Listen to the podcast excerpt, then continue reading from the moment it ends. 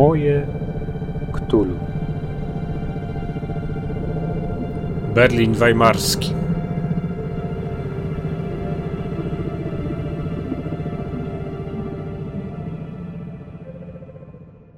Hi, ich bin Katzper. Willkommen in meinem Cthulhu. Mein Cthulhu ist ein Podcast für Spieler und Spielleiter, die die übernatürliche Horrordimension ihrer auf Cthulhus Spur RPG-Sessions erweitern und vertiefen wollen. Auch Liebhaber anderer Cthulhu-Rollenspiele, Kartenspiele, Brettspiele und Computerspiele finden hier viele Anregungen und Informationen. In der heutigen Episode tauchen wir in die Tiefen der Lehre und des Verbrechens von Berlin der Weimarer Republik ein. Tak chciałem was dzisiaj powitać w odcinku nieco wyjątkowym, bardzo zabawnym, nad którym praca była dla mnie wielką przyjemnością, bo to odcinek o Berlinie Republiki Weimarskiej i przyznam szczerze, że e, sam się nie spodziewałem, e, że aż tak dużo będę z tego miał frajdy, ale zbiegło się kilka ciekawych e, wątków. Po pierwsze, wydawnictwo Chaosium zechciało udostępnić mi egzemplarz recenzencki nowego tomu Berlin The Wicked City, nowego suplementu, który mm, zrecenzowałem dla Was w tym odcinku, ale też jestem pod świeżym wrażeniem obejrzenia e, paru odcinków serialu Babylon Berlin e, i e, miałem też wspaniałego rozmówcę w osobie doktora Łukasza Jasiny. To wszystko sprawiło, że naprawdę z wielką radością i mm, z wielką ekscytacją prezentuję Wam 22 już odcinek, 22 już audycję podcastu Moje Ktulu. Moje Ktulu, jak wiecie, to podcast dla graczy i strażników tajemnic, którzy chcą poszerzyć i pogłębić wymiar nadnaturalnej grozy na swoich sesjach w Zew Ktulu RPG. Ale oczywiście wiele informacji i inspiracji znajdą tutaj też miłośnicy innych ktulowych RPGów, karcianek, gier planszowych i komputerowych. W dzisiejszym odcinku, jak już wspomniałem, mamy bardzo ciekawego gościa, który opowie nam o różnych tajemnicach e, niemieckiej stolicy lat międzywojennych. Mamy recenzję tego nowego suplementu Chaosium. Mamy e, garść newsów jak zawsze. Fragment literacki powieści Dublina Berlin Alexanderplatz. No i mamy jeszcze, jak zawsze, pewne e, inspiracje muzyczne. Tym razem są to dwa utwory z epoki, których się bardzo chętnie słuchało i które były hitami, szlagierami e, właśnie Berlina lat dwudziestych. Jeden z nich to jest utwór wykonywany przez e, piosenkarza Gabriela Formiginiego Es trink ein bisschen Alkohol, a drugi to amerykański przebój Yes, We Have No Bananas, wykonywany na tym nagraniu przez orkiestrę Efima Schachmeistera. Są to piosenki, przy których e, Berlin Weimarski się bawił, są to piosenki, które były mm, hitami owej epoki. Mam nadzieję, że pomogą one w zbudowaniu takiego klimatu, na jakim mi w tej audycji zależy. A jest to klimat naprawdę musujący, naprawdę wybuchowy, zarówno na płaszczyźnie politycznej, kulturalnej, jak i na płaszczyźnie okultystycznej, czy na tym poziomie mitów Ktulu, na którym tutaj najbardziej nam zależy. Berlin jest pełen niesamowitych inspiracji. Mam nadzieję, że przydadzą się one na Waszych sesjach. Bez zbędnych wstępów wsiadamy więc w pociąg i jedziemy do Berlina epoki weimarskiej.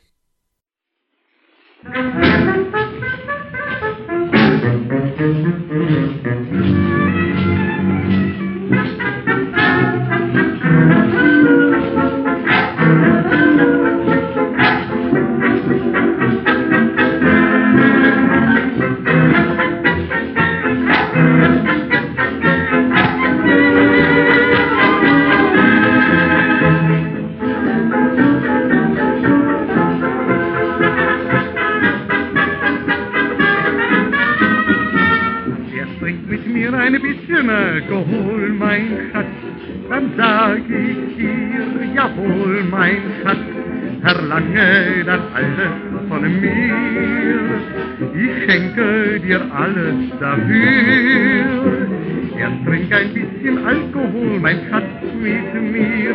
Sei lieb und lad mich ein. Hab ich erst einen Schwips, vom ganzen kleinen Schiff, dann sag ich auf.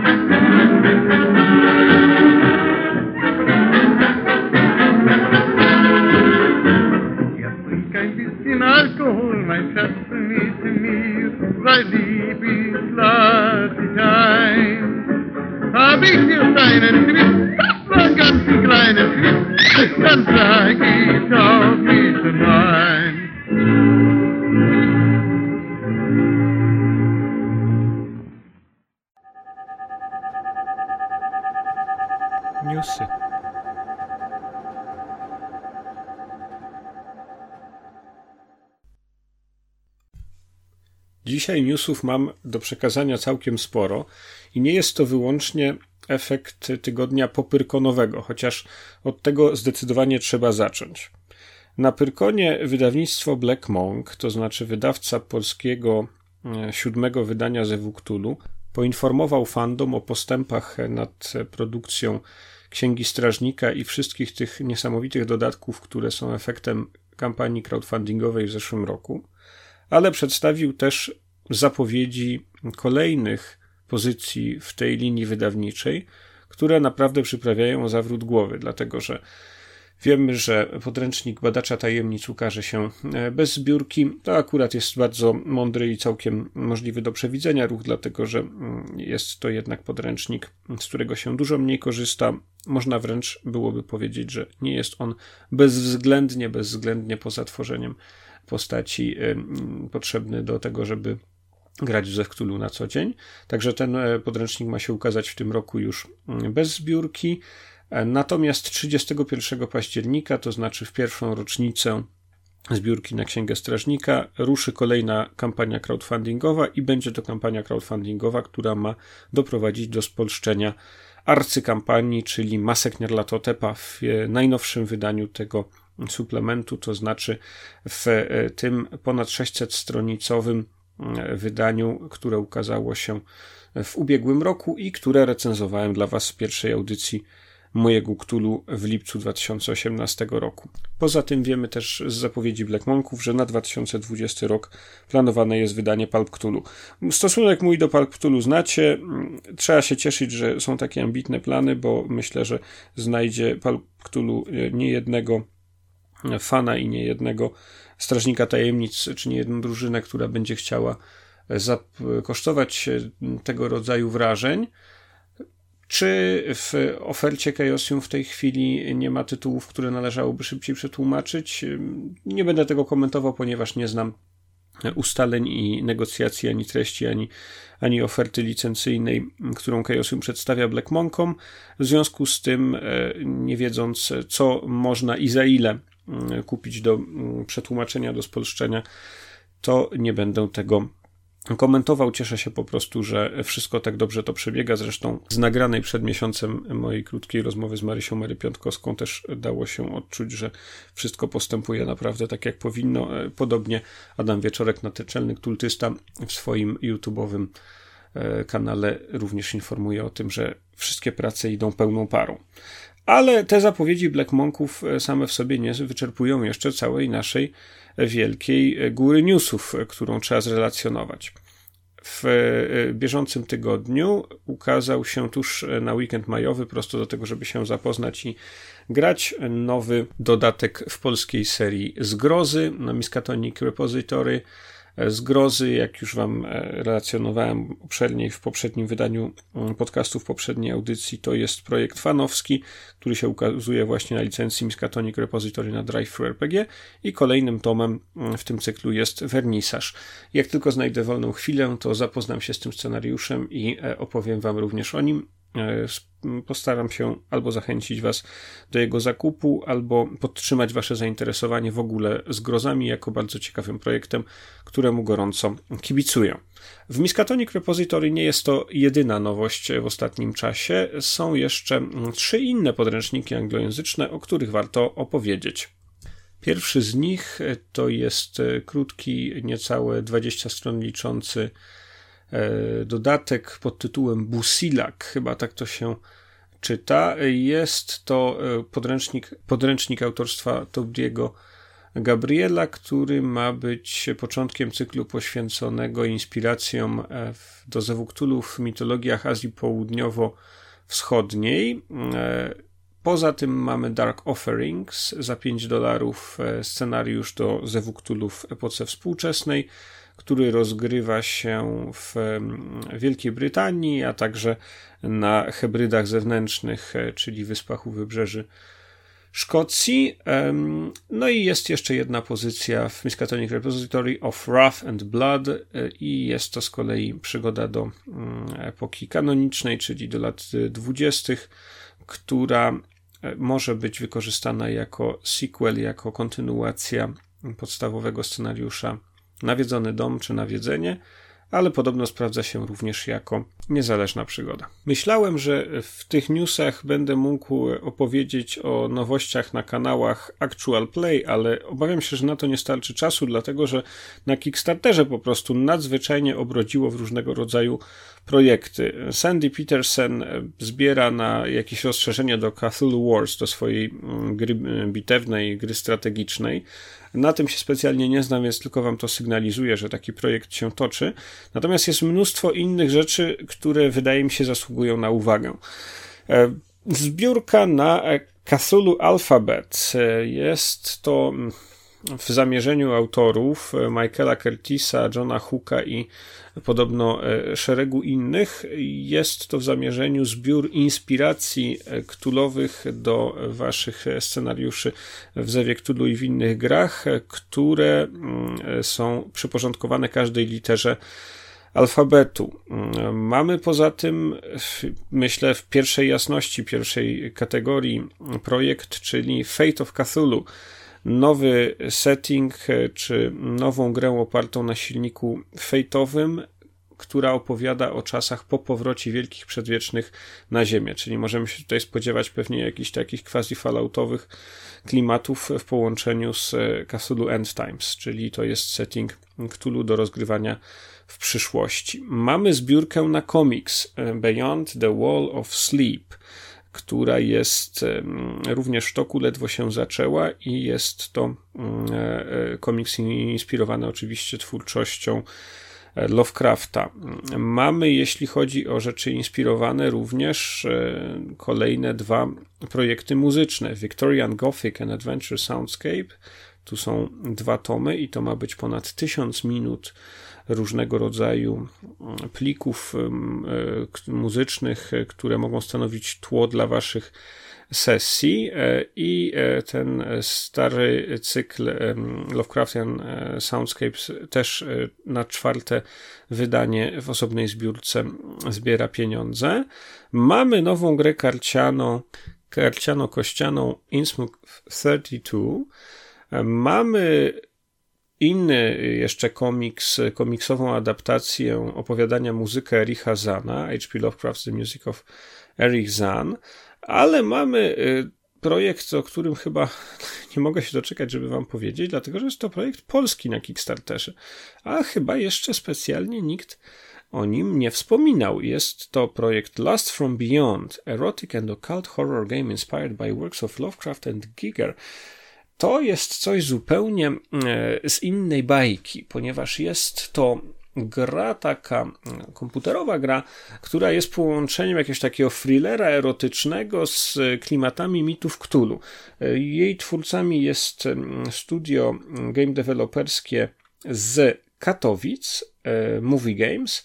Mam zamiar na ten temat zebrać troszkę więcej informacji, żeby móc Wam e, coś więcej powiedzieć. Skontaktuję się z twórcami w najbliższym czasie, także wierzę, że za dwa tygodnie w kolejnej audycji będę mógł Wam opowiedzieć nieco więcej. Natomiast na podstawie trailera i na podstawie tego, co tutaj jest napisane w tej kampanii, to oczywiście wyłącznie dla widzów dorosłych i dojrzałych. E, gra raczej od lat 18, ale wydaje się to całkiem wciągające i całkiem e, e, inspirujące. Tak jak powiedziałem, postaram się dowiedzieć więcej o tym polskim projekcie ktulowym i niebawem Wam to zrelacjonować. Tyle newsów na dzisiaj. Za dwa tygodnie znowu wrócimy do twórczości fanowskiej i będę Wam opowiadał o nowościach na Actual Playach. W związku z tym, że jest długi weekend, to może uda mi się przesłuchać jakieś nowe sesje, więc będę mógł powiedzieć coś więcej niż tylko fakt, że coś tam nowego się ukazało.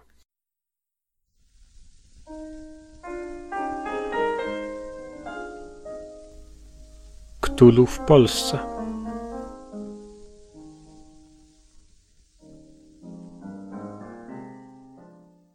W dzisiejszej audycji moim gościem jest dr Łukasz Jasina. Łukasz Jasina jest e, filmoznawcą i ekspertem w dziedzinie stosunków międzynarodowych i w zasadzie ekspertem w wielu bardzo różnych zaskakujących dziedzinach, e, których e, na pewno w pełni nie wymienię, ale właśnie ta niwa filmowa i ta niwa międzynarodowa to są dwa obszary, w których jest znanym i cenionym ekspertem. Dziś będziemy rozmawiać o Berlinie epoki Republiki Weimarskiej, o Berlinie lat 20. i początku lat 30.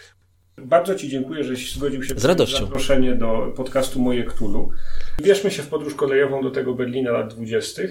Wyobraźmy sobie, że wysiadamy z pociągu i liczyłbym na Ciebie jako przewodnika po tym mieście, w którą stronę najpierw skierujemy nasze kroki? Najpierw musimy przede wszystkim dojść do siebie, bo podróż zazwyczaj trwała przez noc. Mhm. I do tego wszystkiego jeszcze, jeżeli byśmy tam pojechali w latach dwudziestych, to mieliśmy wojnę celną z Niemcami, więc prawdopodobnie skonfiskowano nam 80% rzeczy z naszej walizki w Zmąszynku.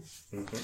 No ale jak już dotarliśmy na dworzec śląski na przykład, jak sama nazwa wskazuje, dworzec, na który przychodziły pociągi z Polski, to najpierw musielibyśmy ten dworzec opuścić, gdyż był położony w bardzo niesympatycznej robotniczej dzielnicy, bardzo skomunizowanej, w której w latach 20. i na początku lat 30. rozgrywało się bardzo, bardzo wiele starć pomiędzy komunistami, późniejszymi hitlerowcami, wtedy już hitlerowcami, socjalistami, różnymi partiami politycznymi. To, co widzieli Państwo, słuchacze w kabarecie na przykład, to to jest właśnie ta dzielnica. Berlin w filmach teraz pokazujących Republikę Weimarską jest zazwyczaj miastem miłym, sympatycznym, czystym, ładnym, pełnym parków, w którym nawet jak e, hitlerowcy z komunistami się biją, to biją się w miłych, ładnych i czystych uniformach na ładnych ulicach. Podobnie jak z mitem Warszawy międzywojennej, która też nam pięknieje z latami. To jest nie do końca prawda. E, luksusowych było kilka dzielnic. To było miasto, które niesamowicie szybko rosło. Dochodząc, do, dojście do miliona mieszkańców w ciągu 20-30 lat to, to jest coś. Było to miasto z niedziałającą kanalizacją, smutnymi, czynszowymi kamienicami. Fritz Lang, taki reżyser, pokazał to dobrze. Zależy oczywiście też, kim jesteśmy, jadąc do tego Berlina. No powiedzmy, że jesteśmy poszukiwaczami e, rozrywek, Czy mamy pieniądze. znaleźć w Warszawie. Jesteśmy zamożnym warszawiakiem, który chce. Sybarytami z warszawskiego środowiska, którzy znudzeni tym, co jest, jaka jest podaż tutaj, tych przyjemności szukają czegoś więcej. Znowu w ramach tak zwanego klasycznego patriotyzmu całkiem sporo perwersyjnych przyjemności mieliśmy i w Warszawie. Mhm. Warszawa, miasto około 2000 domów publicznych przed wojną, do tego wszystkiego jeszcze miasto, które było jednym ze światowych centrów okultyzmu, wcale nie mniejszym niż Berlin, miało coś do zaoferowania. Prawdopodobnie warszawscy geje, bo wtedy jeszcze nie było geja, homoseksualiści jeździli do Berlina, gdyż było to miasto, w którym istniało też około 100 klubów gejowskich. Mhm. Klubów do tego wszystkiego e, tolerowanych nawet jeszcze w początkowym okresie hitleryzmu, aż do olimpiady w Berlinie, po to, żeby sportowcy także mogli sobie trochę poszaleć. Mm, ale Berlin oferował masę tego typu rozrywek. Przede wszystkim e, był miastem, e, gdzie znajdowało się Centrum Europejskiego Handlu Narkotykami. Mhm. Morfinista, a tacy bywali wtedy i w Warszawie, mógł sobie do Berlina pojechać i to zarówno w czasach Republiki Weimarskiej, jak i później w latach 30., bo ten rynek był zawsze chroniony z uwagi na najważniejszego narkomana III Rzeszy, czyli Hermana Geringa. Mhm. Można było skorzystać z bardziej rozbudowanego rynku prostytucyjnego niż w Warszawie. Można było zrobić wreszcie coś, co o okultyzmie wspomniałem, ale w Polsce już nie było do końca możliwe, bo marszałek Piłsudski, Kościół katolicki i parę innych instytucji pilnował, żeby tego nie było, skorzystać z gigantycznego rynku różnego rodzaju sekt religijnych, które oferowały ci mm, rozwiązanie wszystkich problemów. Berlin był zresztą tym miastem, do którego się z Warszawy jeździło. Do wielkiego kryzysu biedacy tam jeździli, bo tam było lepiej z pracą. Poznaniacy tam jeździli, bo byli przyzwyczajeni, żeby jeździć do Berlina, a nie jeździć do Warszawy. Trochę jak teraz. Do Berlina jeździli ludzie pragnący swobody obyczajowej, jeździli komuniści odbyć narady, jeździli jacyś polscy, polscy hitlerowco-naziści z niemieckiej mniejszości, żeby tam się odnaleźć. E, było to wreszcie miasto, gdzie mieszkało w tamtym okresie prawie 200 tysięcy Polaków. No właśnie, y, kiedy Więcej niż teraz. przez pryzmat chociażby y, demografii tego mhm. Berlina, szybko rozwijającego się miasta, ale miasta e, ogromnych kontrastów również, mhm. zwłaszcza w okresie kryzysu Tak, to jest z miastami prawda? rozwijającymi się. Berlin jest e, w sercu powojennego kryzysu, który dręczy mhm. z perspektywy gospodarczej Republikę Weimarską, potwornej e, inflacji, problemów wręcz aprowizacyjnych, a z drugiej strony pokazujesz nam tę atrakcyjną stronę rozrywkową, przyjemnościową Berlina. E, jak wygląda profil społeczny tego miasta w tym momencie? Bo mówiłeś, że lądujemy gdzieś w jakiejś mhm. robotniczej dzielnicy. Rozumiem, że mogą tam być imigranci polscy, mogą tam być być może jacyś... Nie było Turków jeszcze. Aha, no właśnie, nie było Turków. Ale reszta to się mniej więcej zgadza. Zawsze źródłem jednak dostarczania sił roboczej do, e, do Berlina była, był ten teren Europy, który jest u nas. Polacy, Czesi. Struktura tego miasta była bardzo, bardzo przejrzysta. I znowu, zwiększona po prostu w stosunku do Warszawy czy Pragi. Niewielka elita, elita składająca się z różnego rodzaju rentierów, właścicieli ziemskich, różnego rodzaju bogaczy, z, głównie z Niemiec już. E, nie, nie z całej Europy, bo Berlin nie miał jednak takiego statusu stolicy europejskiej, jak na przykład Paryż czy Londyn w okresie mhm.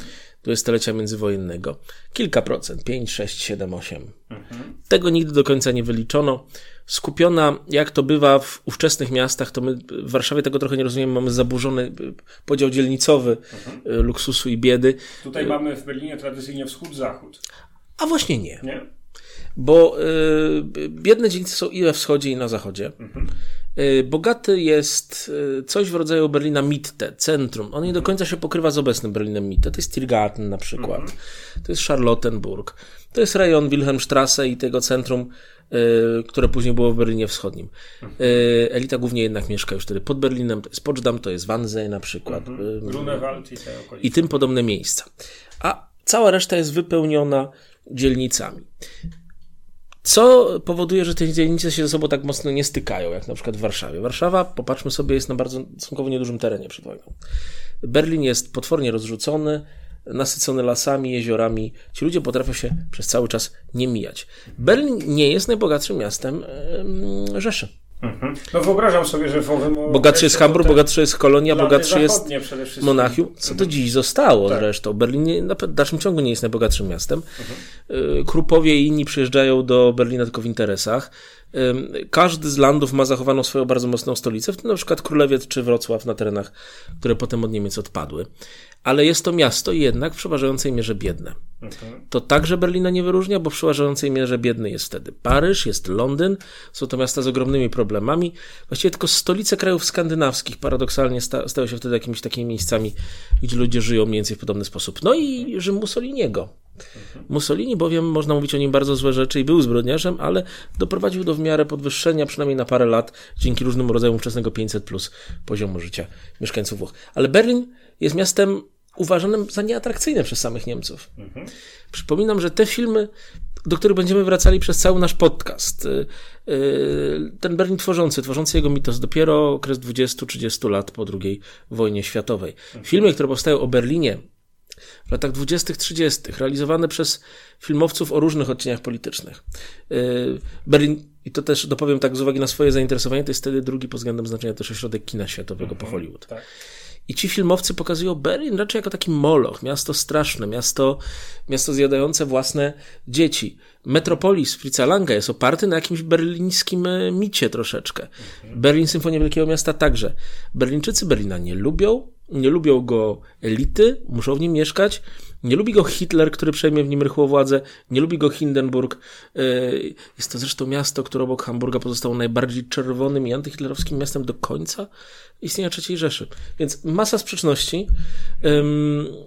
Jak I... wygląda, jeśli chodzi, jeśli mówimy o tych sprzecznościach i dotknęliśmy polityki? Tak. No to y, Niemcy po I wojnie światowej są bardzo silnym ośrodkiem ruchu komunistycznego, w zasadzie rewolucyjnego. Czy najsilniejszym po Związku tak? Radzieckim ówczesnym. Otóż to, a z drugiej strony już e, ten resentyment powojenny mhm. i e, wszystkie nastroje społeczne, które wykorzystują e, naziści niemieccy, no, w innym kierunku narodowo-socjalistycznym po prostu lokuje swoje mm, aspiracje. No mamy jeszcze socjalistów, trzecią siłę, mhm. która jest tutaj najbardziej umiarkowana i ona rządzi większością miast, w tym Berlinem, do 1933 roku.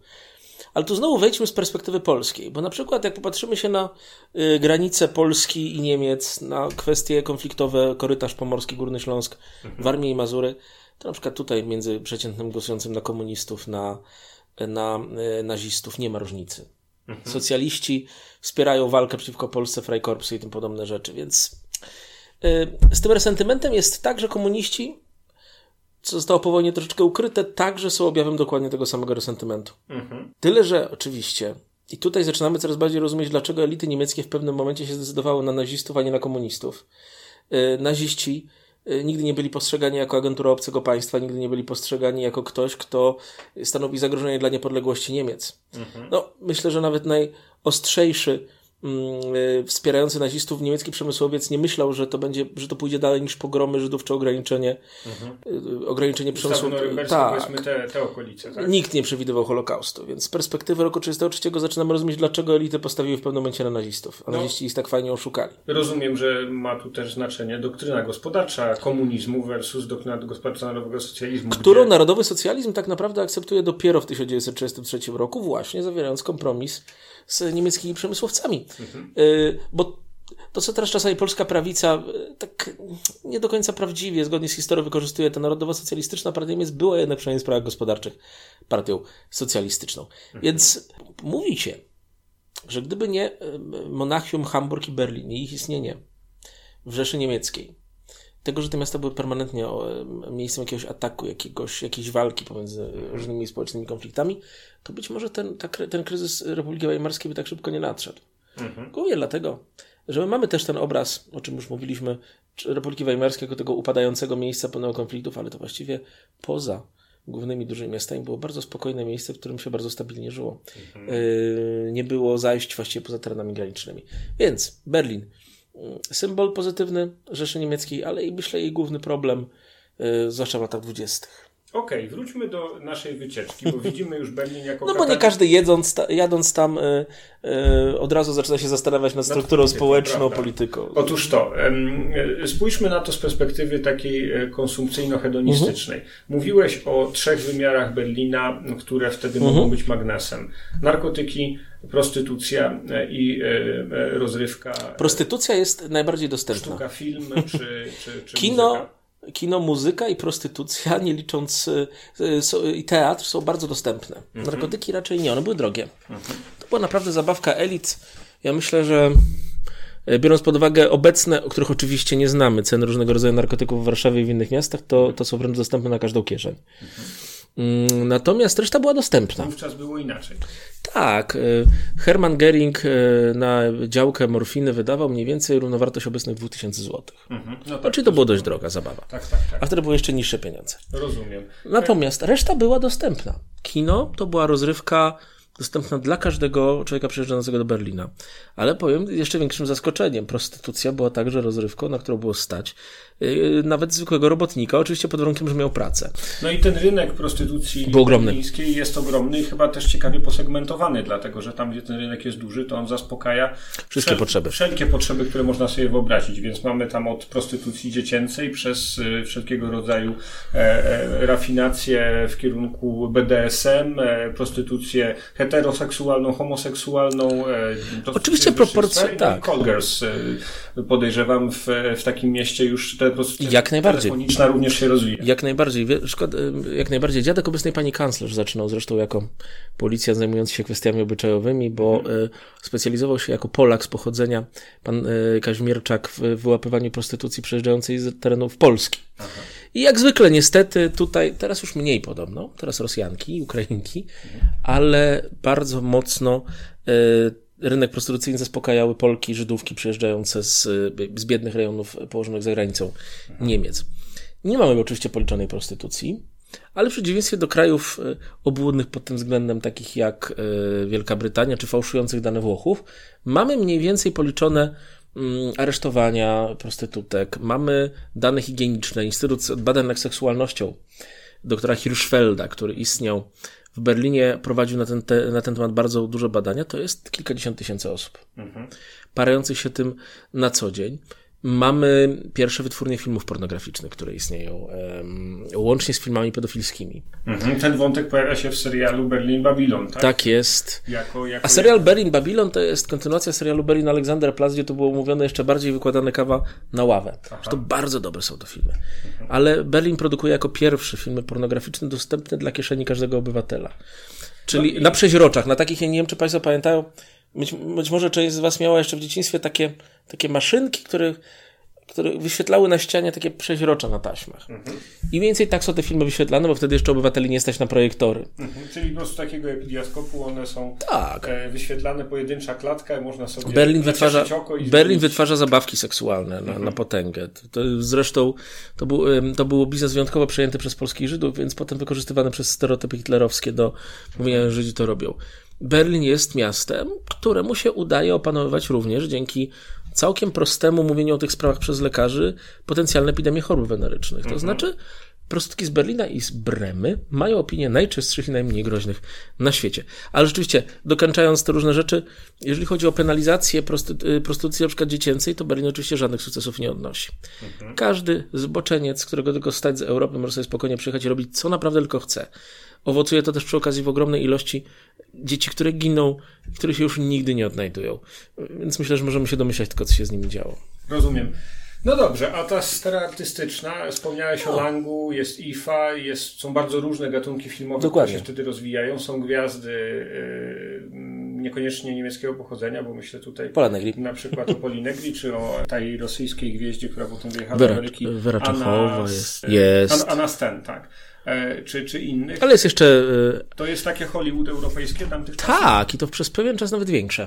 Mhm. Bo wytwórnia UFA i inne mniejsze wytwórnie, które były zbudowane w Berlinie, e, wytwarzały momentami więcej filmów niż Hollywood. Mhm stworzyły pierwsze kino artystyczne, którego się Hollywood długo nie dorobił. No, Eksperymentowano z kolorem. To, to trafia również do tak. takiego przeciętnego odbiorcy, znaczy, nie wiem, Metropolis, Nosferatu, jakieś tego typu filmy są oglądane tak. przez. I to jest właśnie kolejny paradoks. Widza? No oczywiście zawsze pewnym błędem jest rozpatrywanie, no można to mówić w wypadku szkoły polskiej, gdzie naprawdę każdy Polak poszedł na kanał albo na, mhm. na Popiół i Diament, ale yy, jednymi z bardziej kasowych filmów są dzieła Murnała, dzieła Langa, mhm. więc yy, tak jest, ale jest też ogromna gałąź kina popularnego. Yy, radio, które się bardzo szybko pojawia bilet jest jeszcze tańszy niż prostytutka do kina, mam, mam, mam z tego co pamiętam, więc ludzie do tych kin chodzą. Kin jest bardzo dużo. Kino istnieje w każdej dzielnicy, o kinie się rozmawia. Film Kurier, mm, takie czasopismo, odpowiadające trochę polskiemu czasopismu Kino, ma około 120 tysięcy abonentów. Ma nakład czasami wyższy od Volkischer Beobachter, czyli mhm. czasopisma hitlerowskiego. Mm, jest to kraj bardzo wysokiej kultury filmowej. I y, i to również wśród bardzo prostych ludzi i nie tylko w Berlinie, bo jak rozmawiamy ze Ślązakami pamiętającymi życie w przedwojennych Gliwicach, Bytomiu czy Zabrzu, to też tak mówią. To zostaje zresztą potem bardzo mocno wykorzystane przez hitlerowców, którzy swoje kadry filmowe zresztą szykują już od lat dwudziestych, a komuniści to nawet mają własną wytwórnię filmową, która była własnością Komunistycznej Partii Niemiec, która zresztą robi różnego rodzaju filmy. Współpracują z tą wytwórnią przykład Billy Wilder, potem twórca pół żartem, pół serio. Więc w Berlinie się o tym myśli. Yy Rozwój polskiego kina następuje tylko dlatego, że kilku polskich e, Żydów i Polaków z Niemiec nie załapało się do Hollywood w 1933 roku, więc wyjechali do kraju pochodzenia. Mhm. E, no dobrze, to jest e, wielki przemysł filmowy, ale jest też rozrywka live, rozrywka na żywo, show biznes, który był sportretowany w kabarecie, prawda? W kabarecie oczywiście jest pokazano ten... znakiem rozpoznawczym Berlina Republiki Weimarskiej. No w kabarecie oczywiście pokazano ten, ten, ten, ten lepszy, lepszy start. No, niekoniecznie każdy chodził do baru, w którym tańczyła Amerykanko, yy, mające twarz Liza Minelli, prawda? E, tych klubów nie było dużo, no tylko zazwyczaj artyści opisują swój świat. ale tych tanzbut różnego rodzaju dla przeciętnego obywatela było bardzo, bardzo dużo. Mhm. Praktycznie każda bawar, e, bawarska piwiarnia na terenie Berlina istniejąca miała jakieś występy artystyczne. To także nie było nic e, nic zaskakującego, bo tak było wtedy w miastach. Ludzie nie mieli telewizji, to chodzili sobie do lokali. A my jako turyści z Polski, rozumiem, dość zamożni i, i oświeceni w Berlinie, do jakiego lokalu moglibyśmy się udać? Jakiego rodzaju rozrywkę muzyczną czy, czy jakiś show moglibyśmy zobaczyć? Jeżeli jesteśmy bardzo eleganccy i chodzimy sobie na przykład do Opery Warszawskiej albo do Filharmonii Warszawskiej, mhm. Jakże stojących w tym samym miejscu, ale niepodobnych obecnie, to pójdziemy sobie do którejś z berlińskich oper, do filharmoników. Opery może nie tak dobre jak w Wiedniu, ale filharmonicy bez wątpienia nie gorsi. Mhm. Młody Karajan już zaczyna powoli wykańczać swoich, e, e, swoich e, nauczycieli i przejmować, powoli wspinać się. Furtwanglera możemy usłyszeć. Mhm. Miasto niesamowicie pod tym względem rozwinięte. Mamy ogromną ilość teatrów muzycznych w takim starym, fantazjaklowym stylu, od wielkich aż do takich ogródkowych. Mamy też wreszcie bardzo dużo koncertów różnego rodzaju, ale przede wszystkim ponad tysiąc lokali, w których występują różnego rodzaju panie i panowie śpiewający. Mhm. Y Berlin żyje i to żyje zimą, latem, wiosną. Mm, nie ma w ogóle powodu, żeby powątpiewać w to, że nie będziemy mieli zajętego wieczoru przez jakąś rozrywkę. Co więcej, są to rozrywki w pełni akceptowane w większości wypadków przez mieszczaństwo. Nie tak jak te, o których rozmawialiśmy w pierwszej części tego podcastu, gdzie jednak ludzie się z tym kryli. Chociaż w Berlinie stosunkowo mało. Pod warunkiem, jak żona się nie dowiedziała, było dobrze. To powiedz jeszcze, przejdźmy do tego mrocznego jądra tego Berlina, czyli do tej e, okultystycznej mhm. tradycji, na której potem wzrasta. I to jest nowość Republiki Weimarskiej. No właśnie, co tam, e, co sprawia, że e, on się staje centrum spirytyzmu, centrum okultyzmu, centrum różnego rodzaju jasnowidzów, ale też tych, którzy zgłębiają wiedzę tajemną, no bo właśnie na tym, jak powiedziałem, w niej cały ten w, w, w Niemczech już nazistowskich, cały ten podziemny krąg okultystyczno-ezoteryczny. Wszyscy się zastanawiają na tym, dlaczego akurat Berlin, bo to nie było jedyne miasto, które miało traumę wojenną, a zawsze po upadku to ludziom zaczyna jakoś tak mhm. chcieć się poszukiwać różnego rodzaju rzeczy, które to wszystko inaczej wytłumaczą. System tak, nam się... Rosja lat 90. Czy... Tak jest. Czy Polska też w okresie dwudziestolecia międzywojennego? Mhm. Czy być może Polska po II wojnie światowej, gdyby komuniści tam tego wszystkiego nie kontrolowali? Ale na przykład w Londynie żadnych takich rzeczy nie ma. Tego, tego trochę jest, ale nie wtedy. Berlin i Paryż, dwie najbardziej straumatyzowane stolice ówczesnej Europy, bo jedna teoretycznie wygrała, a druga teoretycznie przegrała. To jest w niemieckim społeczeństwie bardzo mocno akceptowane, bo pamiętajmy, że to nie są jeszcze ci stereotypowi Niemcy od sznycli, sosów i zbrodni holokaustowych, to są jeszcze Niemcy mające opinię romantyków, Niemcy, w których inteligencja miała skłonność do tego typu porywów, do różnego rodzaju eksperymentów teologiczno-religijnych, mhm. więc okultyzm jest tam bardzo mocno w społeczeństwie akceptowany. Mhm. Taka jest niemiecka sztuka, takie są niemieckie filmy. Popatrzmy się na inne filmy Langa, one się odwołują do tego typu tradycji. Mhm. Czyli metafizyka taka, tak. powiedziałbym, heterodoksyjna, tak? tak? Nie... Do tego tam nie ma żadnego silnego kościoła tak naprawdę. W żadnym z landów niemieckich poza Bawarią i częścią landów polskich, polskojęzycznych nie ma silnego kościoła katolickiego, a protestanci zawsze w tych sprawach byli bardzo delikatni. To nie są protestanci skandynawscy, mhm. których znamy z filmu Bergmana. Więc tego jest od cholery i trochę. A do tego wszystkiego miasto, a zwłaszcza jego elita, y, jest bardzo mocno okaleczona emocjonalnie i ma skłonność do ulegania hochsztaplerom. Stąd mhm. jeszcze te wszystkie bardzo mocno znane kariery w rodzaju Jana Erika Hanussena, mhm. który został potem pokazany w filmie Istwana Szabo i, i, i który stał się tego symbolem, ale i tutaj już przejdziemy do tego, co powiedziałeś przed chwilą. W dużej mierze właśnie w taki okultystyczno-metafizyczny sposób swoją hochsztaplerkę polityczną prawił na początku Hitler. Mhm. On był najpierw salonowym, mówiącym różne dziwne metafizyczne rzeczy bóstwem e, w różnych elitarnych miejscach. Tam się powoli przepychał, więc nie tylko tego typu pragnienia, ale i polityka. Czyli Hitler nie tylko jako akwarelista, lecz także jako e, jakiś właśnie Hitler był wielkim, improwizator, tak? Hitler był wielkim e, ezoterykiem, powiem tak. Znaczy nie, nie, uwierzę, nie wierzę, że to w ogóle istnieje, uważam, że to jest jedna wielka sztaplerka, ale on te możliwości wykonywał.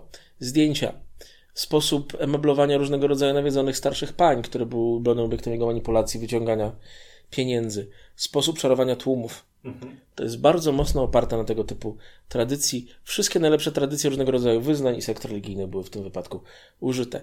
I, I to tak trochę pozostaje w sprzeczności, bo, bo Berlin był miastem, w którym się rozwijał jednocześnie najbardziej, najtwardszy racjonalizm wtedy. Mhm. Ale z drugiej strony był też miastem, które naprawdę ulegało zbiorowym halucynacjom tego typu. To zabawne rzeczywiście, że mamy tam nowoczesną fizykę, pod kierunkiem Einsteina. Alberta Einsteina, a z drugiej strony mamy właśnie tę metafizykę w najmroczniejszych wydaniach. Wspomniałeś o Hanusenie. Warto o nim może powiedzieć dwa słowa więcej, bo jego tragiczny kres związany jest w pewnym sensie z osiągnięciem supremacji przez narodowych socjalistów.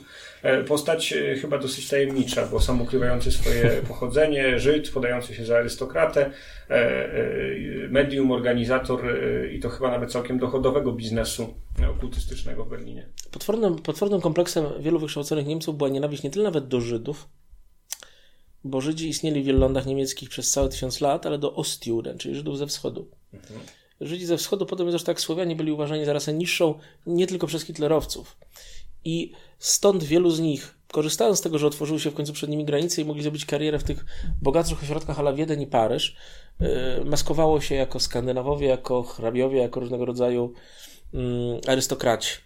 Nie było łatwo zresztą to mówić yy, Berlińczykom. Hanussen, galicyjsko-czeski Żyd, mhm. który ogromną karierę robił mniej więcej w tych samych miastach co Hitler, w Wiedniu, w Monachium, w Berlinie. Taki jakiś taki szlak Hitlera troszeczkę uprawiał. Był przykładem metafizyk, metafizyko-ezoteryka, który fascynuje badaczy niewierzących nawet w to, co się mówi. On autentycznie udowodniono dużą przewidywalność. Mhm. Coś tak jako sowiecki. W, Coś jako sowiecki, który może być uznany za polskiego Hanussena i też miał tragiczny koniec w okresie, w okresie ostatniej wojny. Mhm. Niemniej jednak on przewidział pożar Reichstagu. Przewidział różne wydarzenia związane przede wszystkim z przejęciem władzy przez hitlerowców, bo to w 1932 roku się wcale nie, nie wydawało pewne. Mhm. Raczej uważano, że władzę przejmą komuniści. Ale przede wszystkim uruchomił sposób myślenia hitlerowcy może go zlikwidowali bardziej jako konkurencję niż za sam fakt bycia ezoterykiem, ale on miał ogromny wpływ na to, że w partii nazistowskiej ogromna część ludzi właśnie myślała o świecie w ten sposób. Mhm. Znamy okultystyczne zapędy Himmlera Heydricha, mhm. ale i sam Führer miał takie zapędy. Zapędy miał Bormann, zapędy miał bardzo wielu innych nazistów. Mhm. Była to też pierwsza partia polityczna nowoczesnej Europy, która okultyzm niejako zaanektowała i włączyła go do swojego programu politycznego. I myślę, że to już byłoby bardzo mało wesołe, bo gdyby tam trafił już na początku lat 30. jakiś polski turysta i byłby księciem Radziwiłem i e, trafiłby do jakiegoś elitarnego saloniku, w którym ten Hansen mówił, on by już niczego wesołego za bardzo nie usłyszał i, i bardzo szybko uciekłby do którejś Stansbud, gdzie stripteaserki by mu się rozbierały, bo e, nie uzyskał w Berlinie tej radości, którą, którą pojechał tam znaleźć. No i być może tak zakończyłaby się nasza wycieczka do Berlina. Wyjeżdżalibyśmy pewnie z jakimś kacem i poczuciem rozbicia, tak. bo e, tak czy inaczej. No miasto, miasto dostąpiło wielkiego kaca w ciągu następnych 12 lat. Właśnie. Berlin to jest też ten paradoks, y, że najbardziej zniszczone i kompletnie nie będące swoimi kontynuacjami, z drobnymi wyjątkami miasta Europy, to jest miasto, które tę wojnę zaczęło, czyli Berlin i miasto, które było tej wojny pierwszą główną ofiarą, czyli Warszawa. Mhm. Berlin nie odrodził się jako miasto kultury sztuki. Mamy potem pewien mit Berlina z lat 60., 70., Davida Bowiego, mamy kino robione tam, ale to nigdy już nie jest ten poziom. To tak jakby za przeproszeniem w pewnym momencie Hollywood przestał robić filmy. Berlin nawet jak na niemiecką skalę, jest w tej chwili pod względem kulturalnym miastem dość prowincjonalnym. Mhm. Dopiero ostatnie 10-15 lat i pewien mit Berlina, niekoniecznie wśród Niemców, a raczej wśród mieszkańców Europy, zaczyna zmieniać stosunek ludzi do tego miasta. Bardzo Ci dziękuję, Łukaszu, za dziękuję to, że znalazłeś czas e, i e, mam nadzieję, spotkamy się jeszcze nie raz. Nie mamy do siebie daleko.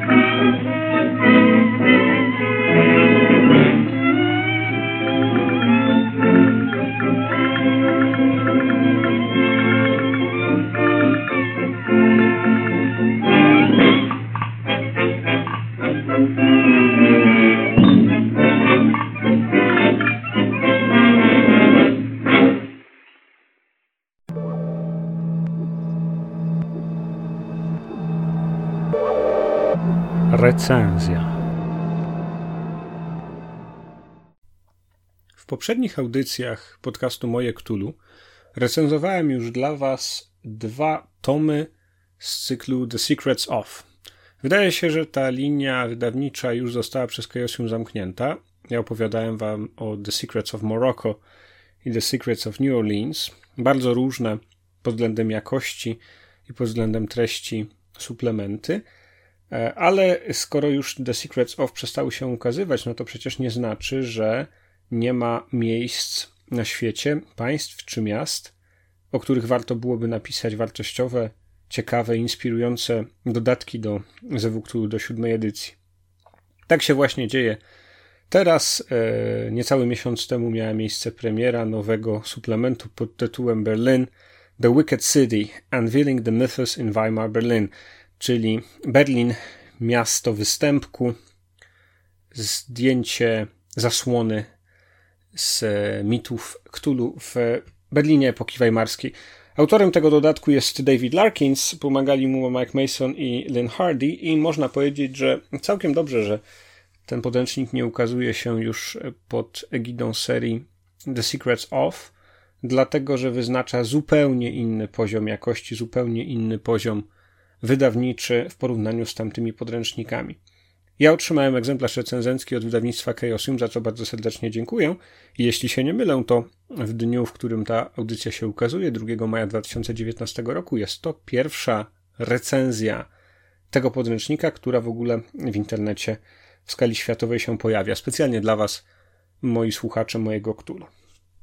Podręcznik liczy 270 stron, jest wydany na tym layoutie, do którego już jesteśmy przyzwyczajeni, jeśli chodzi o dodatki do siódmej edycji i również podręczniki podstawowe do siódmej edycji.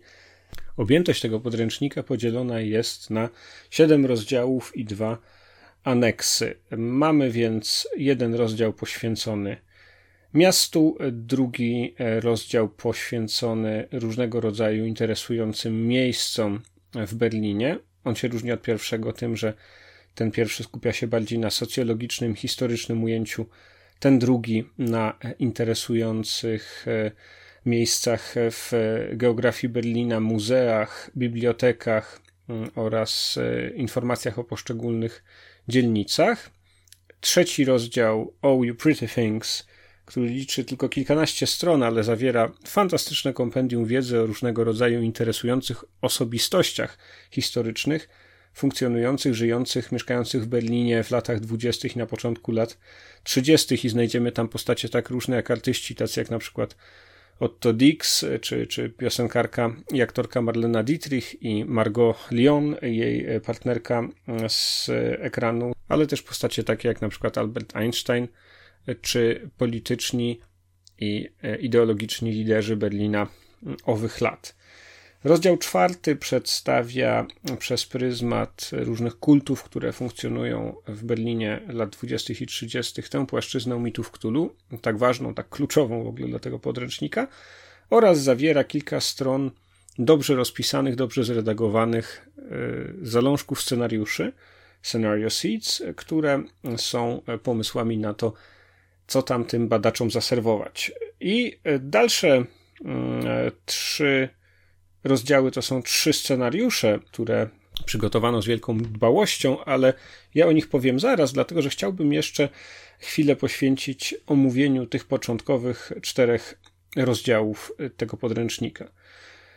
To, co jest e, niesamowicie wartościowe, to, co jest wielkim bogactwem tego wydawnictwa, to jest fakt, że cały czas w tym podręczniku przeplatają się informacje historyczne, informacje społeczne, informacje gospodarcze dotyczące Republiki Weimarskiej, dotyczące różnych aspektów życia w Berlinie, troszkę w takim klimacie jak w e, rozmowie z Łukaszem Jasiną, którą dzisiaj Wam przedstawiałem w poprzedniej e, części tej audycji, ale co parę stron dosłownie pojawiają się e, dodatkowe tabele, dodatkowe ramki, dodatkowe informacje, które już prezentują wymiar tego settingu berlińskiego w istotnych z punktu widzenia prowadzenia, w istotnych z punktu widzenia strażnika tajemnic kategoriach, wskazując na przykład przykładowe lokale z ich klientelą, co się może wydarzyć w różnych dzielnicach, różne postacie, z którymi mogą się spotkać bohaterowie graczy, czyli badacze tajemnic,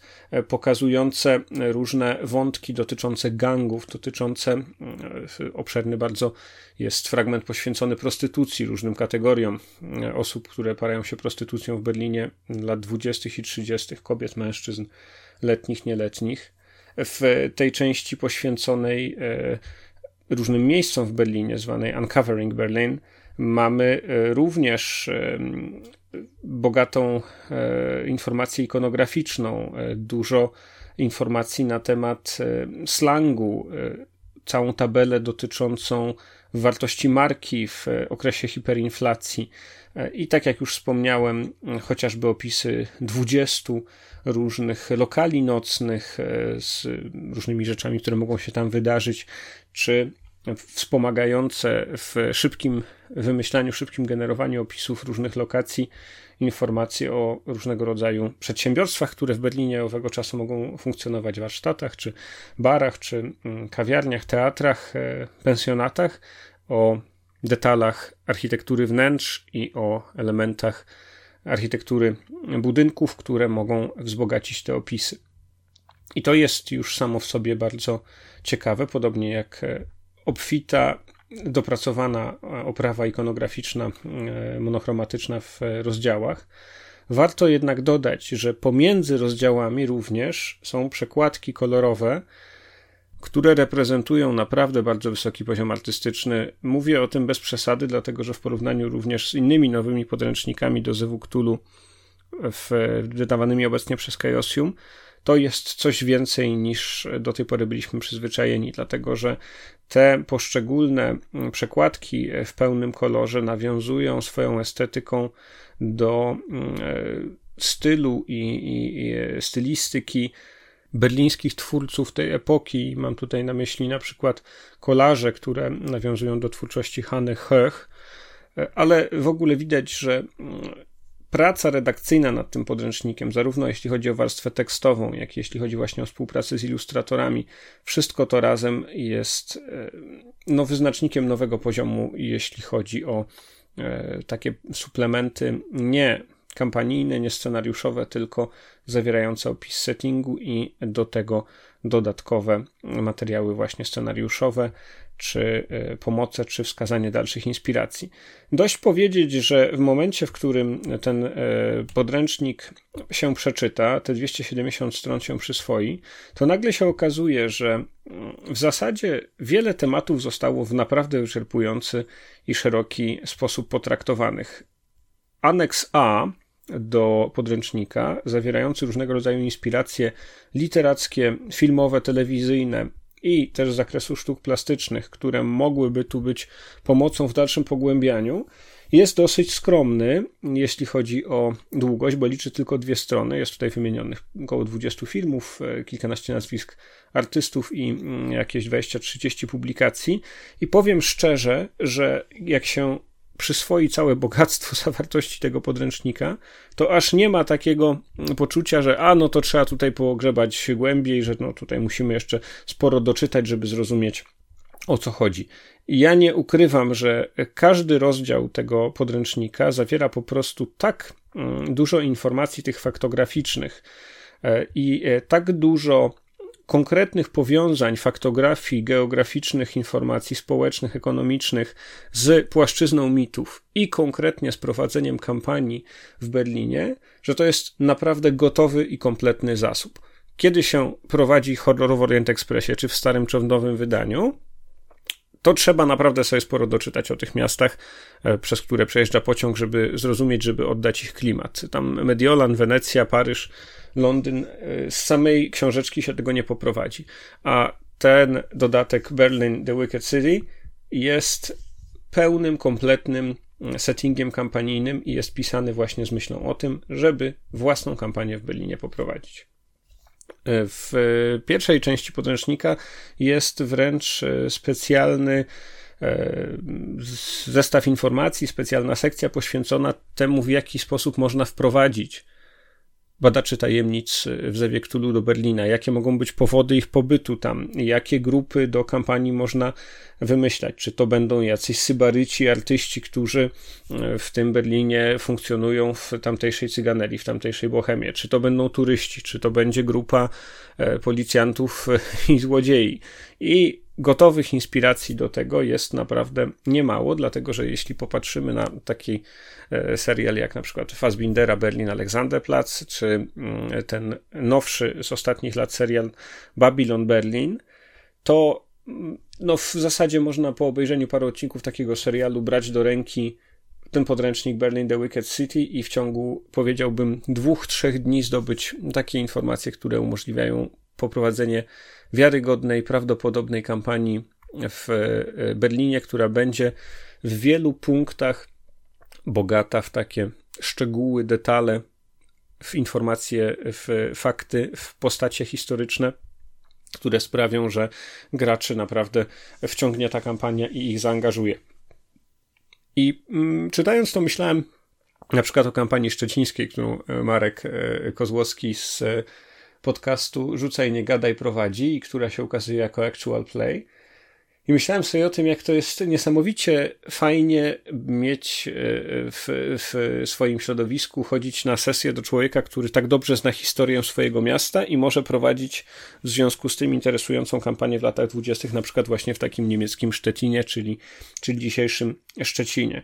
I niczego Markowi nie ujmując, bo jest naprawdę w tym mm, bardzo kompetentny, to ja mam poczucie, że y, mając w ręku ten podręcznik Berlin The Wicked City, e, a byłem w Berlinie, no raptem parę razy, to nie jest jakieś miasto, które znam dogłębnie, może to też wpływa na moją ocenę, ale można z odpowiedzialnością brać się za ten materiał historyczny i za ten setting, i on może być naprawdę bardzo ciekawym mm, punktem odniesienia, bardzo ciekawą odskocznią od tych realiów amerykańskich y, prohibicji czy później wielkiego kryzysu. E, to jest też coś, co dla, nie wiem, Wielkopolan, Ślązaków, e, czy w zasadzie dla każdego mieszkańca Polski jest też łatwiejszym do mm, ogarnięcia settingiem. Zachęcam do tego, żeby w ogóle tego próbować, żeby w nim grać. A autor podręcznika, autorzy, no ale widać tutaj przede wszystkim pracę e, głównego autora jednej osoby, dostarczają tak dużo dodatkowych materiałów, jak na przykład opisy różnych organizacji badaczy tajemnic, takich jak Niezależny Zakon SUF, czy Hildefilm, czy e, Stowarzyszenie Lokatorów e, Landsberga Plac, że są tutaj po prostu gotowe dla różnych zawodów, dla różnych grup społecznych, dla różnych e, profili badaczy tajemnic przygotowane do grania pomysły, przygotowane scenariusze, te trzy scenariusze, do których za chwilę nawiążę. Jest też oczywiście e, dwustronicowa, bardzo piękna mapa mm, Berlina międzywojennego z zaznaczonymi różnymi interesującymi obiektami. Tych interesujących obiektów jest zaznaczonych tutaj mm, kilkadziesiąt i e, jeśli nałożyć na tę mapę, na przykład mapę różnych lokacji, które odgrywają rolę w serialu Babylon Berlin, czy Berlin Alexanderplatz, czy mm, sięgnąć do jakichś tam jeszcze literackich pomysłów, to jest po prostu tak gęsta sieć, że to jest y, zachwycające. Ja bym z całego serca chciał, żeby taki podręcznik się ukazał w Warszawie międzywojennej. Chociaż ona się może wydawać mniej egzotyczna, mniej e, pełna mm, różnego rodzaju tych atrakcji kryminalno-artystyczno-seksualnych, którymi słynie Berlin mm, międzywojenny, nie jest miastem tak bardzo zepsutym, e, to gdyby taki podręcznik się ukazał, to wydaje mi się, że zrobiłby światową karierę i by po prostu pielgrzymki tutaj przyjeżdżały, żeby ten, mm, tę Warszawę oglądać i tutaj, nie wiem, w jakichś larpach brać udział, czy po prostu wszyscy na świecie by prowadzili w Berlinie swoje kampanie, bo nie mam cienia wątpliwości, że po tym, jak ten podręcznik troszkę się lepiej rozdystrybuuje i się dobrze przyjmie w środowisku, to wiele, wiele grup na całym świecie będzie prowadzić kampanię czy dla gangów Berlina, czy dla jakichś artystycznych grup cyganerii, które w różnych dzielnicach tutaj sobie funkcjonują. To jest niesamowite, że e, kiedy porównamy Secrets of New Orleans, najlepszy z tej z serii The Secrets of podręcznik o Nowym Orleanie, a Nowy Orlean też znam z doświadczenia, więc mam jakieś wyobrażenie, mniej więcej tyle samo czasu tam spędziłem, co, co w Berlinie. Jeżeli porównamy sobie informacje o poszczególnych dzielnicach, które są przedstawione w tamtym dodatku, z informacjami na temat poszczególnych dzielnic wraz z różnymi ramkami, które mm, wskazują interesujące miejsca w danym e, e, kwartale, czy mm, które wskazują na problemy, które to miejsce trapią, e, czy na to, jakie organizacje przestępcze tam funkcjonują, jaki jest klimat polityczny, jakie tam są, nie wiem, teatry, knajpy, czy jaka klasa seks workerów tam funkcjonuje to przy zbliżonej objętości podręcznika, no ten jest troszkę większy, mamy naprawdę dużo więcej mięsa i widać tutaj wspaniałą pracę redakcyjną. Mamy dodatkowy fragment zasad, moim zdaniem całkiem interesujący. To nie jest świat prohibicji. Berlin jest, jeśli chodzi o dostęp do alkoholu czy nawet do narkotyków, bardzo liberalny w owym czasie. Jest to paliwo społecznych różnych e, procesów i, i, i, i, przygód w tym mieście, no to mamy tutaj dodatkową ramkę, która wskazuje na mm, efekty użytkowania różnego rodzaju narkotyków, które wtedy tam były popularne, e, włącznie z odniesieniami do mitów Cthulhu. Nie będę temu poświęcał osobnej e, sekcji zasady w tej mm, audycji, dlatego że wydaje mi się, że to w zasadzie e, zasługuje na to, żeby każdy sobie sam ocenił, na ile chce e, narkotyki i alkohol w taki zmechanizowany sposób uwzględnić w swoich kampaniach, ale nie zmienia to faktu, że nawet takie szczegóły tutaj się znajdują. No i mm, tyle, jeśli chodzi o tę pierwszą część podręcznika. Teraz przejdźmy na chwilkę do części drugiej, czyli do trzech scenariuszy, które tutaj można znaleźć. Są trzy scenariusze, jest The Devil It Eats Flies, jest Dances of Vice, Horror and Ecstasy i jest Shrek Film, Shrek Film, czyli horror. Każdy z tych scenariuszy liczy mm, około 40 stron, czyli widzicie, że to nie są jakieś takie szkicowo zarysowane przygody, tylko naprawdę już pełne mm, e, na kilka sesji do rozegrania, pełne mm, opisy, dobrze skrojone pod potrzeby strażników tajemnic. Każdy z nich e, w taki bogaty sposób wykorzystuje zasoby z tego podręcznika, odnosząc się do różnych społecznych e, patologii czy do różnych wymiarów życia tego Berlina, również z pewnymi odniesieniami politycznymi, łączy życie wyższych sfer z życiem półświadka i wszędzie ten wymiar mitów Cthulhu nie jest dodany na siłę. Jak to porównać na przykład z The Secrets of Morocco, gdzie no w zasadzie to było takie mm, no najbardziej oczywiste jakieś rzeczy. Tutaj dodajemy kult Ktugi, mm, tutaj dodajemy e, jakieś tam inne wątki Niadatotepa, czy, czy, czy, czy jakichś tam innych nieśmiertelnych guli, czy mm, e, tego typu.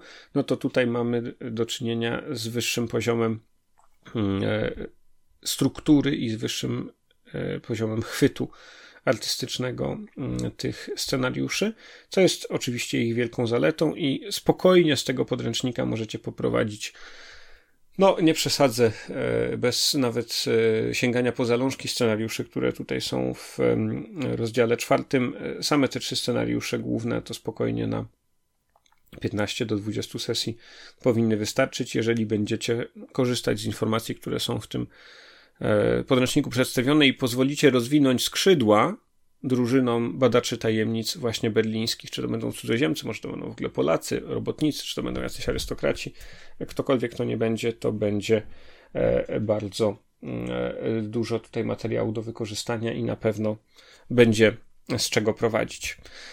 Czas na podsumowanie. Jak wygląda ten podręcznik w skali szkolnej? E, ten podręcznik w skali szkolnej to jest e, absolutny 5. Wszystko w nim jest e, dobrze e, opracowane.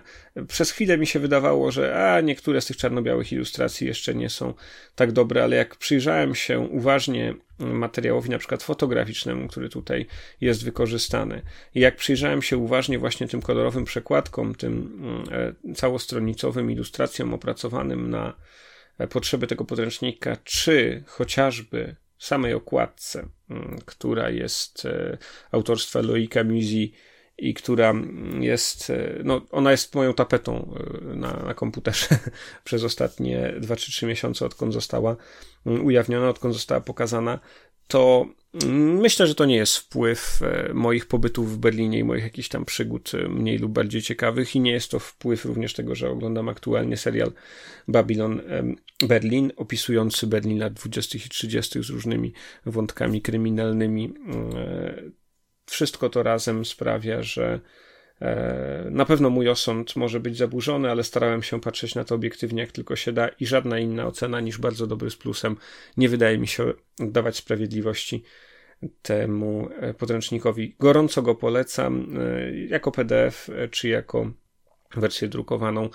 Ten podręcznik pomoże Wam zbliżyć do starej Europy Wasze kampanie w Zewie Ktulu, a od tego już jest krok do prowadzenia w Polsce, czyli do tego, do czego zawsze zachęcam w sekcji Moje Ktulu i co uważam, że powinniśmy jako polscy strażnicy tajemnic robić, bo wzbogacamy w ten sposób twórczo to e, środowisko i wzbogacamy e, świat mitów Ktulu o nasze e, krajowe wątki. Jeszcze raz polecam serdecznie ten podręcznik i zachęcam do sięgania po niego, kiedy znudzą Wam się klimaty z filmów, nie wiem, Chinatown, czy, czy klimaty prohibicji, czy klimaty palpowe, które w latach 30. zwykle są osadzone. Sięgajcie po ten Berlin, bo on pokazuje zupełnie inny, dużo bardziej złożony, ale też dużo bardziej dostępny dla nas kulturowo świat e, wielkiego miasta, wielkiej stolicy, z całą jej złożonością, z całą jej energią i z całym bogactwem inspiracji, które w niej drzemią.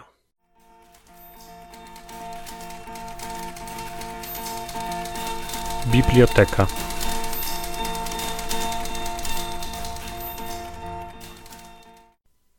Alfred Dublin, Berlin Alexanderplatz. Dzieje Franciszka Wiberkopfa. Przełożyła Irena Czermakowa. Na Zimmerstrasse stoi przed bramą dziewczyna. Przechodząc tędy unosi parasol i wrzuca do skrzynki list. W liście pisze. Kochany Ferdynandzie, dziękuję ci za obydwa listy. Zawiodłam się bardzo na tobie, nie sądziłam, że sprawa weźmie taki obrót. Sam musisz przyznać, że jesteśmy jeszcze za młodzi, aby się wiązać. Myślę, że i ty w końcu to zrozumiesz. Myślałeś może, że jestem taką dziewczyną jak inne, ale pomyliłeś się, mój drogi. Albo myślałeś może, że jestem bogatą partią? Ale i tutaj się pomyliłeś. Jestem tylko zwykłą robotnicą. Mówię ci to, żebyś wiedział, czego się trzymać. Gdybym wiedziała, co z tego wyniknie, nie pisałabym do ciebie. Teraz znasz moje zdanie, więc pomyśl, co sam czujesz. Pozdrawiam cię. Anna. W tym samym domu w oficynie siedzi w kuchni dziewczyna. Matka poszła odebrać zasiłek. Dziewczyna pisze potajemnie dzienniczek. Ma 26 lat, jest bezrobotna. Ostatnie zapiski z 10 lipca brzmiały. Od wczorajszego popołudnia jest mi znowu lepiej, ale Coraz mniej jest tych dobrych dni. Nie mam się przed kim wygadać tak, jakbym chciała. Dlatego postanowiłam wszystko zapisywać. Gdy wpadam w taki dziwny stan, robię się do niczego i lada drobiazg sprawia mi ogromne trudności. Wszystko, co widzę, wywołuje we mnie nowe myśli i nie mogę się od nich oderwać. Jestem też bardzo zdenerwowana i nie mogę się zmusić, aby cokolwiek zrobić. Jakiś wielki, wewnętrzny niepokój gna mnie to tu, to tam. Niczego nie mogę dokończyć. Na przykład rano, kiedy się budzę. Chciałabym w ogóle nie wstawać. Ale zmuszam się do tego i sama dodaję sobie odwagi, ale już ubieranie się sprawia mi trudność, bo wciąż chodzą mi po głowie różne obrazy. Dręczą mnie myśli, że coś zrobię na opak i wyrządzę tym jakąś szkodę. Często, gdy wrzucę do ognia kawałek węgla, a wyskoczy iskra, Ogarnia mnie wielki strach i muszę wpierw sprawdzić, czy nic się nie zapaliło, abym czegoś nie zniszczyła, nie wznieciła niepostrzeżenie pożaru. I tak już przez cały dzień. Wszystko, co muszę robić, wydaje mi się bardzo trudne, a skoro się zmuszę, aby to jednak zrobić, mimo mego wysiłku, aby działać szybko, wszystko trwa niezmiernie długo. Tak mija dzień, a ja niewiele zrobiłam, bo przy każdej czynności muszę tyle myśleć, i kiedy mimo wszelkich wysiłków nie daję sobie w życiu rady, wpadam w rozpacz i strasznie płaczę. Zawsze miałam tego rodzaju napady. Zaczęło się to u mnie w dwunastym roku życia. Rodzice uważali to za udawanie i komedię. Mając 24 lata, próbowałam odebrać sobie życie z powodu tych napadów, ale mnie odratowano. Wtedy nie miałam jeszcze żadnego życia erotycznego. W tym właśnie widziałam jedyną nadzieję, ale niestety na próżno. Niewiele miałam stosunków, a w ostatnich czasach nie chcę nawet o tym słyszeć, bo i fizycznie czuję się bardzo słabo. 14 sierpnia. Od tygodnia jest mi znowu bardzo źle. Nie wiem, co ze mną będzie, jeśli tak zostanie. Zdaje mi się, że gdybym nie miała nikogo na świecie, bez skrupułów odkręciłabym kurek od gazu. Lecz nie mogę zrobić tego mamie. Ale naprawdę pragnę gorąco dostać jakiejś ciężkiej choroby i umrzeć. Napisałam wszystko tak, jak rzeczywiście czuję. I to już wszystko w dzisiejszym wydaniu podcastu Moje Ktulu. Bardzo dziękuję Wam za uwagę. Zapraszam do subskrybowania podcastu Moje Ktulu, czy przez RSS-a bezpośrednio ze strony www, czy na iTunesach, na Google Podcast, na Blueberry, na Stitcherze, czy w innych usługach podcastowych, z których korzystacie. Praktycznie w każdej z nich, z tych najpopularniejszych, Moje Ktulu znajdziecie. Dziękuję Wam za uwagę i zapraszam Was za dwa tygodnie do kolejnej audycji, a dziś pozdrawiam z ostępów Izabelińskiej Puszczy. Do usłyszenia.